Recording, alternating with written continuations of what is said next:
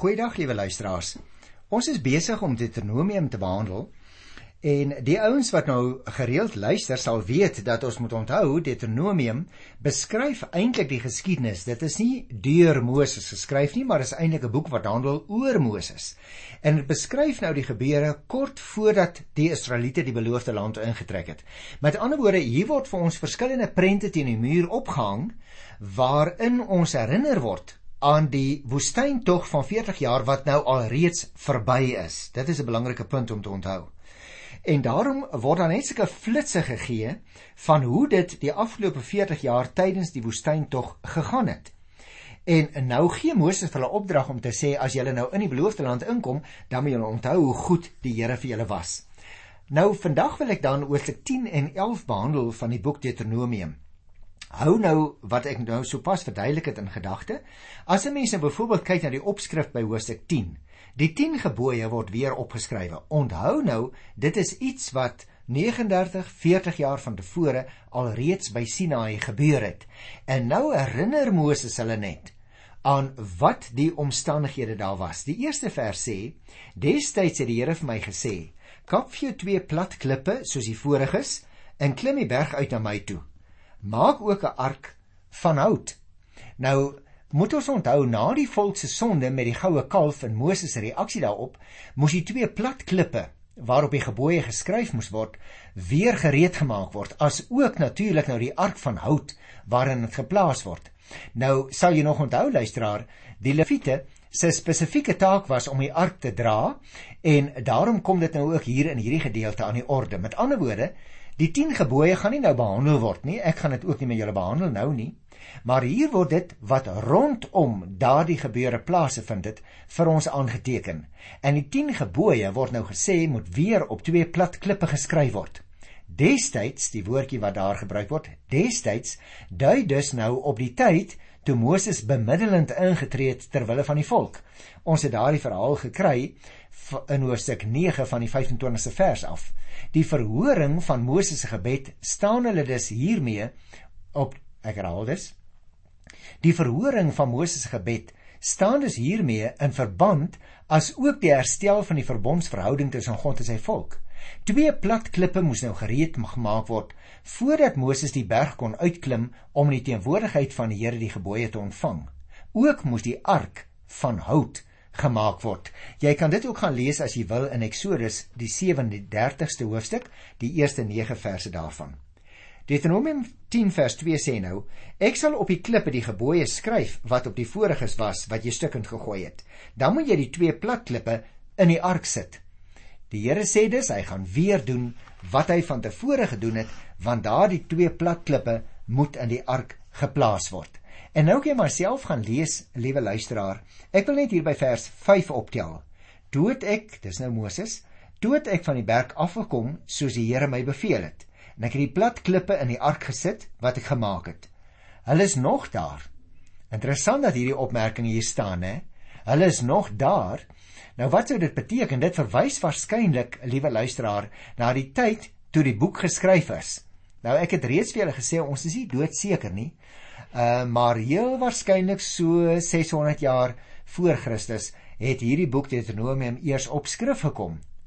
En daarom op hierdie stadium toe die eindkompilators of die eindsamestellers as jy hulle so wil noem, die boek Deuteronomium saamgestel het, toe was die ark met die twee klippe onder andere daarin nog steeds in hulle besit. En dit is waarna hierdie opmerking, hulle is nou nog daar, hier in Deuteronomium by die 5de versie verwys. Die klippe waarop die wet geskryf is, was ten minste gedurende die bewind van koning Salomo ook nog in die verbondsark. Jy kan gerus gaan kyk daar in 1 Konings 8 vers 9 het ons so 'n verwysing. En as jy nou 'n kronologiese datum daaraan wil koppel, dan was dit heel waarskynlik so min of meer in die jaar 965 voor Christus. Met ander woorde wat ek vir jou wil sê, liewe luisteraar, is op die stadium toe die tempel gebou is in Jerusalem deur koning Salomo, is die ark van die verbond waarin hierdie twee tafels van die wet gehuisves is in die nuwe tempel geplaas. En ons weet dit was min of meer in die jaar 965 voor Christus. So dis 'n interessante opmerking wat ons hier het. Maar nou kom hier 'n interessante afdelingkie, die Lewiete moet die ark dra. Ons moet natuurlik onthou die Lewiete sorg vir die ark.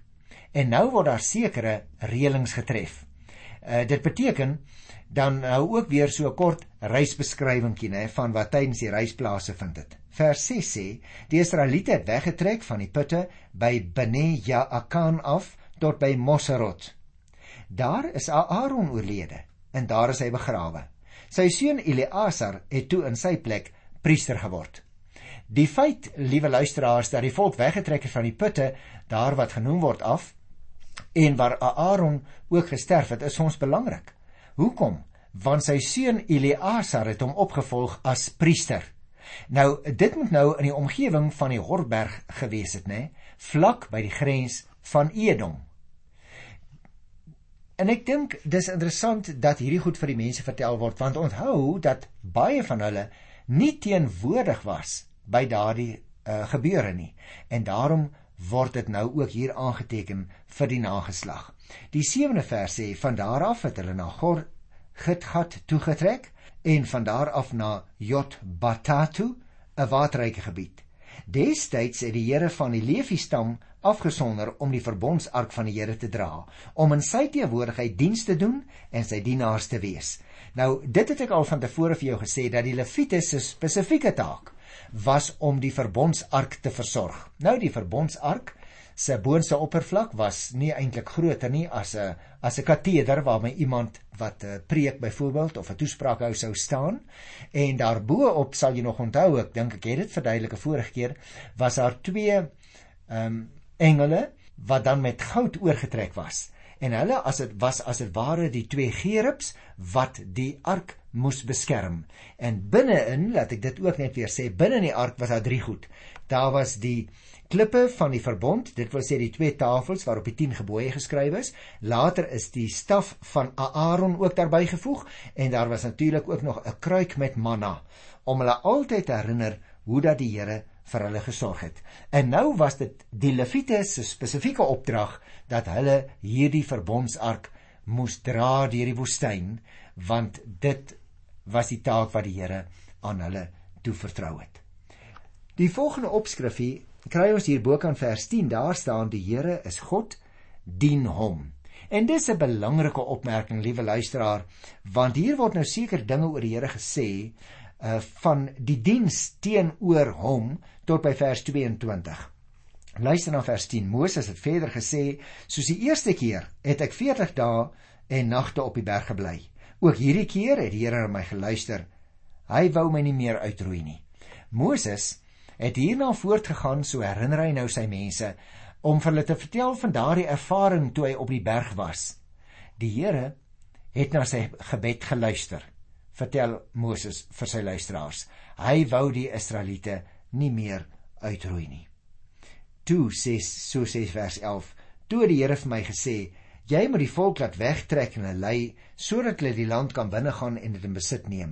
Dit is die land wat ek met 'n eed aan hulle voorvaders beloof het om te gee.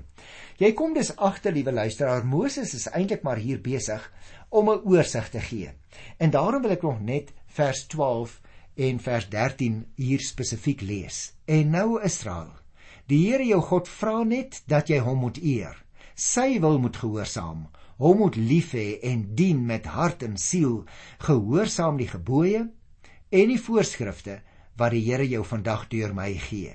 Dit sal tot jou voordeel wees. Nou liewe luisteraar, jy en ek vra ook so dikwels, wat verwag die Here nou eintlik van my? Wat moet altyd deel van my verhouding met hom wees? Deel van my toewyding aan hom. En hier baie interessant, gee Moses vir ons 'n opsomming van dit wat die Here van ons verwag, ook in ons tyd nog, glo ek. Want dit is eintlik 'n baie eenvoudige vorm en almal kan dit onthou. Die belangrike dinge daarin is die volgende. Ek gaan dit vir jou so nommer. Die eerste ding is luister aandagtig na wat God vir jou sê. Mag ek vir jou vra, luister jy regtig aandagtig na wat ek vir jou wat hy vir jou sê? Die tweede ding wat wat Moses vir ons leer, gehoorsaam die Here se beveel. Nou jy sien luisteraar, dit is een ding om die bevele te hoor, maar dit is 'n ander ding om dit te gehoorsaam. die derde riglyn wat die ou Vader Moses hier gee. Jy moet die Here met jou hele hart lief hê. Jy sien, jy en ek kompliseer dikwels ons geloof so met reëls, met allerlei vereistes wat deur mense gemaak word en opgestel word en hulle verwag ons moet dit doen. ek wil jou vra, is jy nie op 'n tydjie so bietjie gefrustreerd nie? Voel dit vir jou ook dat jy aan die uitbrand is in al jou pogings om die Here tevrede te stel? Luister. Konsentreer op dit wat hy regtig van jou vra. Dan sal jy vrede hê. Luister, gehoorsaam, gee jou liefde vir die Here. Ek wil ook nog vers 16 in Deuteronomium die 10de hoofstuk onderstreep. Daar staan: "Wy jou aan hom en moenie hardkoppig wees nie." Liewe luisteraar, die vereistes wat gestel word in hierdie verse lê eintlik vervleg in die hele gedeelte wat ook hierna kom en dit word weer verbind aan die almag en die liefde van die Here. Hulle moet hulle aan hom wy. Miskien is dit die belangrikste wat ek hier lees. En dis 'n uitdrukking wat duidelik sê dat hulle as dit ware hulle harte moet besny. Dit dui op 'n innerlike toewyding wat veel meer is as die uiterlike teken van die besnydenis destyds. Moses is besig om vir hulle te sê, dit gaan nie oor 'n klomp innerlike goed nie, mense. Dit gaan oor die innerlike gesteldheid van die hart, die toewyding van die hart en dit moet tot die daad kom. Jy sien jy en ek sê ook dikwels ons gesindheid is reg, maar dan doen ons nie wat die Here van ons sê nie. Die mens is natuurlik van nature hardkoppig. Ons wil altyd dinge op ons manier doen. En Moses het nou die volk aangemoedig om hulle hardkoppigheid te laat staan en liewer daaraan te werk om hulle harte weer rein te kry. Jy sien, as 'n mens se hart reg is voor die Here, as die vertikale verhouding tussen ons en die Here reggestel is, dan kan ons ook anders funksioneer op die horisontale vlak in ons verhouding met ander mense. Dit kan ons regstel.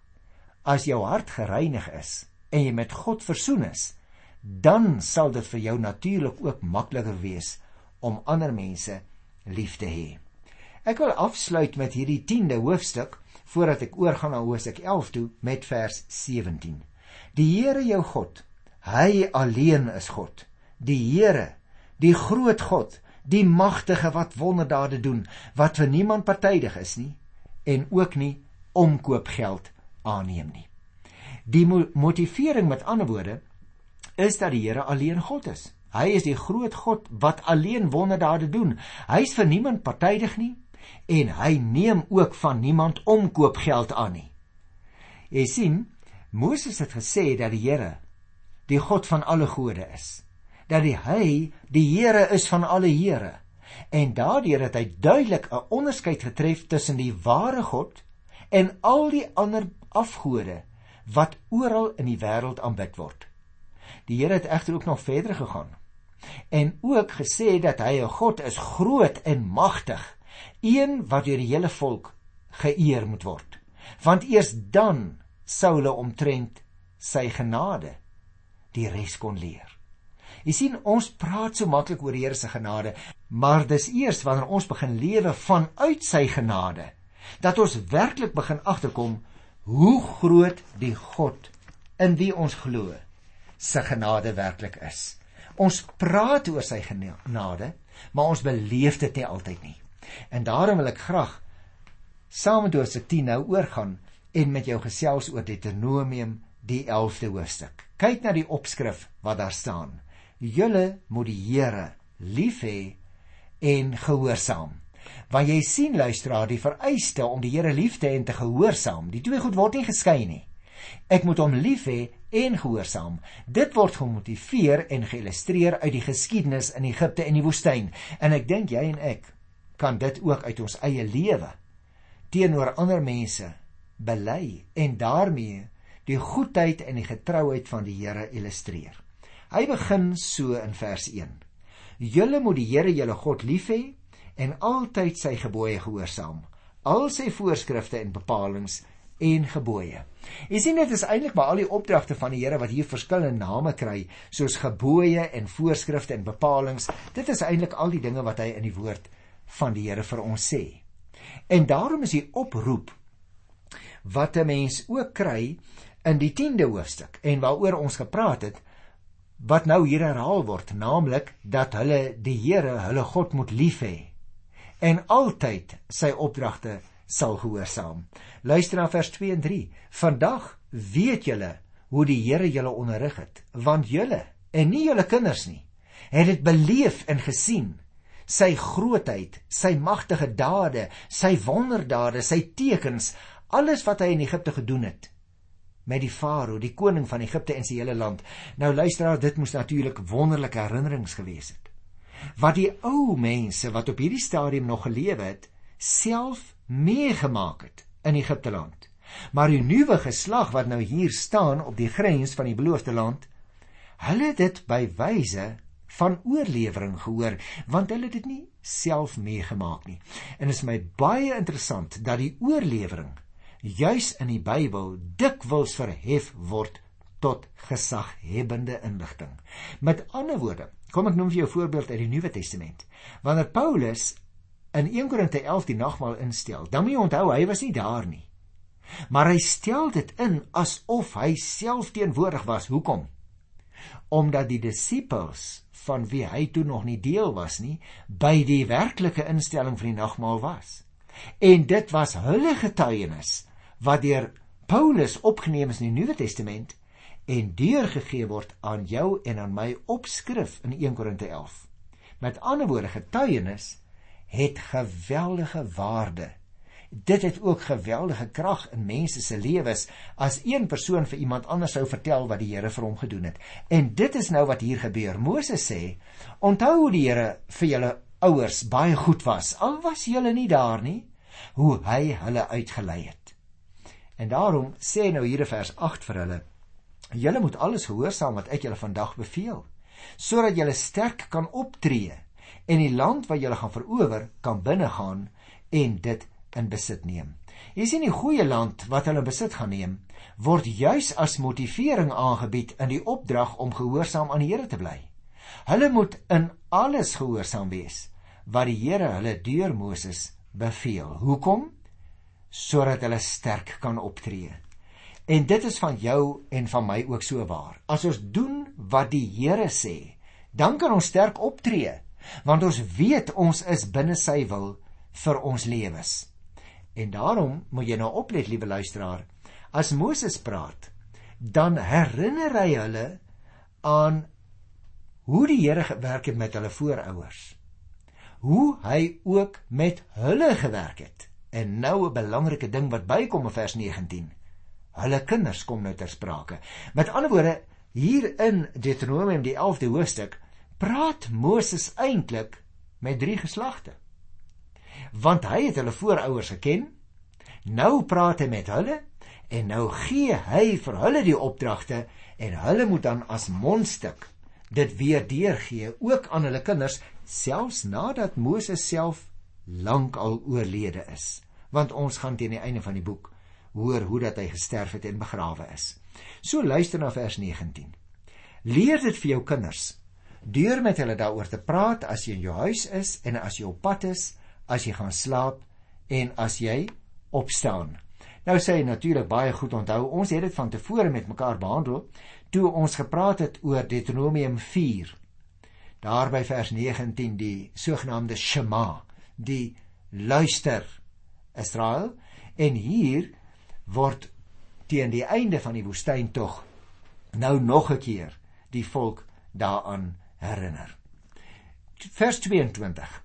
As julle al hierdie gebooie wat ek julle vandag gee stiptelik gehoorsaam deur daarvolgens te lewe en die Here julle God lief te hê, sy wil te doen en hom aan te hang, dan sal hy al hierdie nasies verdryf en dan sal julle die grondgebied van nasies wat groter en sterker is as julle in besit neem.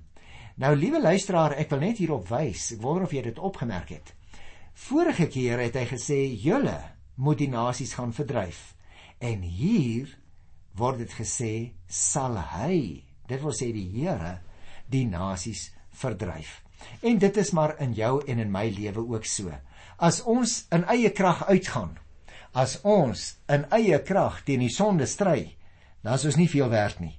Maar as ons soos Efesiërs 6 sê, die wapenrusting van die geloof aantrek, as ons soldate in diens van die Here is, ook in ons stryd teen die sonde, dan is die oorwinning gewaarborg. Daarom moet jy en ek nie so al te ligtelik sê ons kan nooit hierdie ding of daardie ding in ons lewe los nie. Ons kan as ons dit doen in die krag wat die Heilige Gees ons gee. Ek wil afsluit hier teen die einde van Deuteronomium 11 staan daar vers 26 let op. Ek hou julle vandag die seën en die straf voor. Die seën sal kom as julle die gebooie van die Here julle God gehoorsaam wat ek julle vandag gee.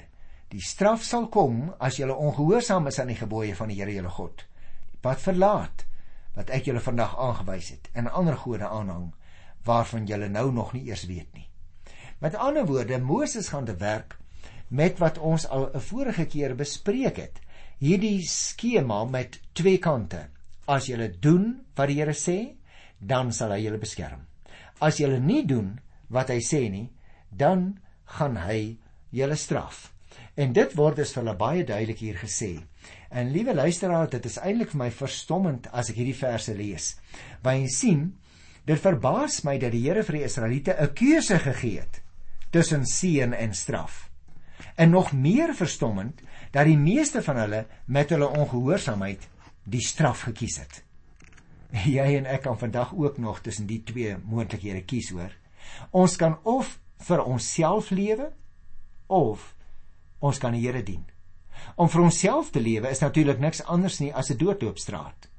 Maar om die Here te kies, dit is om die ewige lewe te ontvang. Nou, wat beteken God se straf sou jy nou kon vra? Dit hou natuurlik verband met die vereistes van die verbond tussen God en Israel destyds. Albei partye het ooreengekom dat daar sekere vereistes sou wees. As Israel dus aan die verbondsvereistes gehoorsaam sou wees, dan sou hulle in die beloofde land ingaan, vir ewig daar lewe, groot oes hê, hulle vyande verdryf, maar die straf daarenteen het gedui op dit wat sou gebeur as hulle die verbond sou verbreek. Want dan sou die Here se oordeel oor hulle kom. Joshua natuurlik hierdie seëne straf later met die hele volk bespreek. Gaan kyk maar aan Joshua 8 by vers 34. En Jesus, die tweede groot Joshua, het ons straf op hom geneem om die grootste seën, die ewige lewe finaal en vir altyd vir ons te gee. En daarom luisteraar, as ons nou lees hoe dat hulle daar by Gerisum bymekaar gekom het, die berge waar daar genoem vers 30 Gerisum en Ebal. Dit is natuurlik wat eers later plase vind het. Later nadat hulle die beloofde land ingetrek het. Hoekom wys ek dit uit? Om twee redes. Die eerste rede is, ek het vir jou gesê, hulle kry hierdie opdragte van die Here voordat hulle die beloofde land ingetrek het. En daarom die tweede opmerking. Die berge Gerizim en Ebal lê natuurlik noord van Jerusalem en dit dui nou op 'n gebeurtenis nadat hulle die beloofde land ingetrek het. Met ander woorde, 'n baie duidelike aanduiding hierdie opmerkings is gemaak deur die eindkompilators van die boek Deuteronomium. En dit, luisteraars, bring ons dus aan die einde van hoofstuk 11. Ek groet jou in die wonderlike naam van die Here En ek wil jou uitnooi om ook jou vriende te vertel dat hulle ook kan inskakel op ons lekker en mooi program die Bybel vir vandag. En as ons dan lewe, dan praat ons volgende keer weer met mekaar. Tot dan. Totsiens.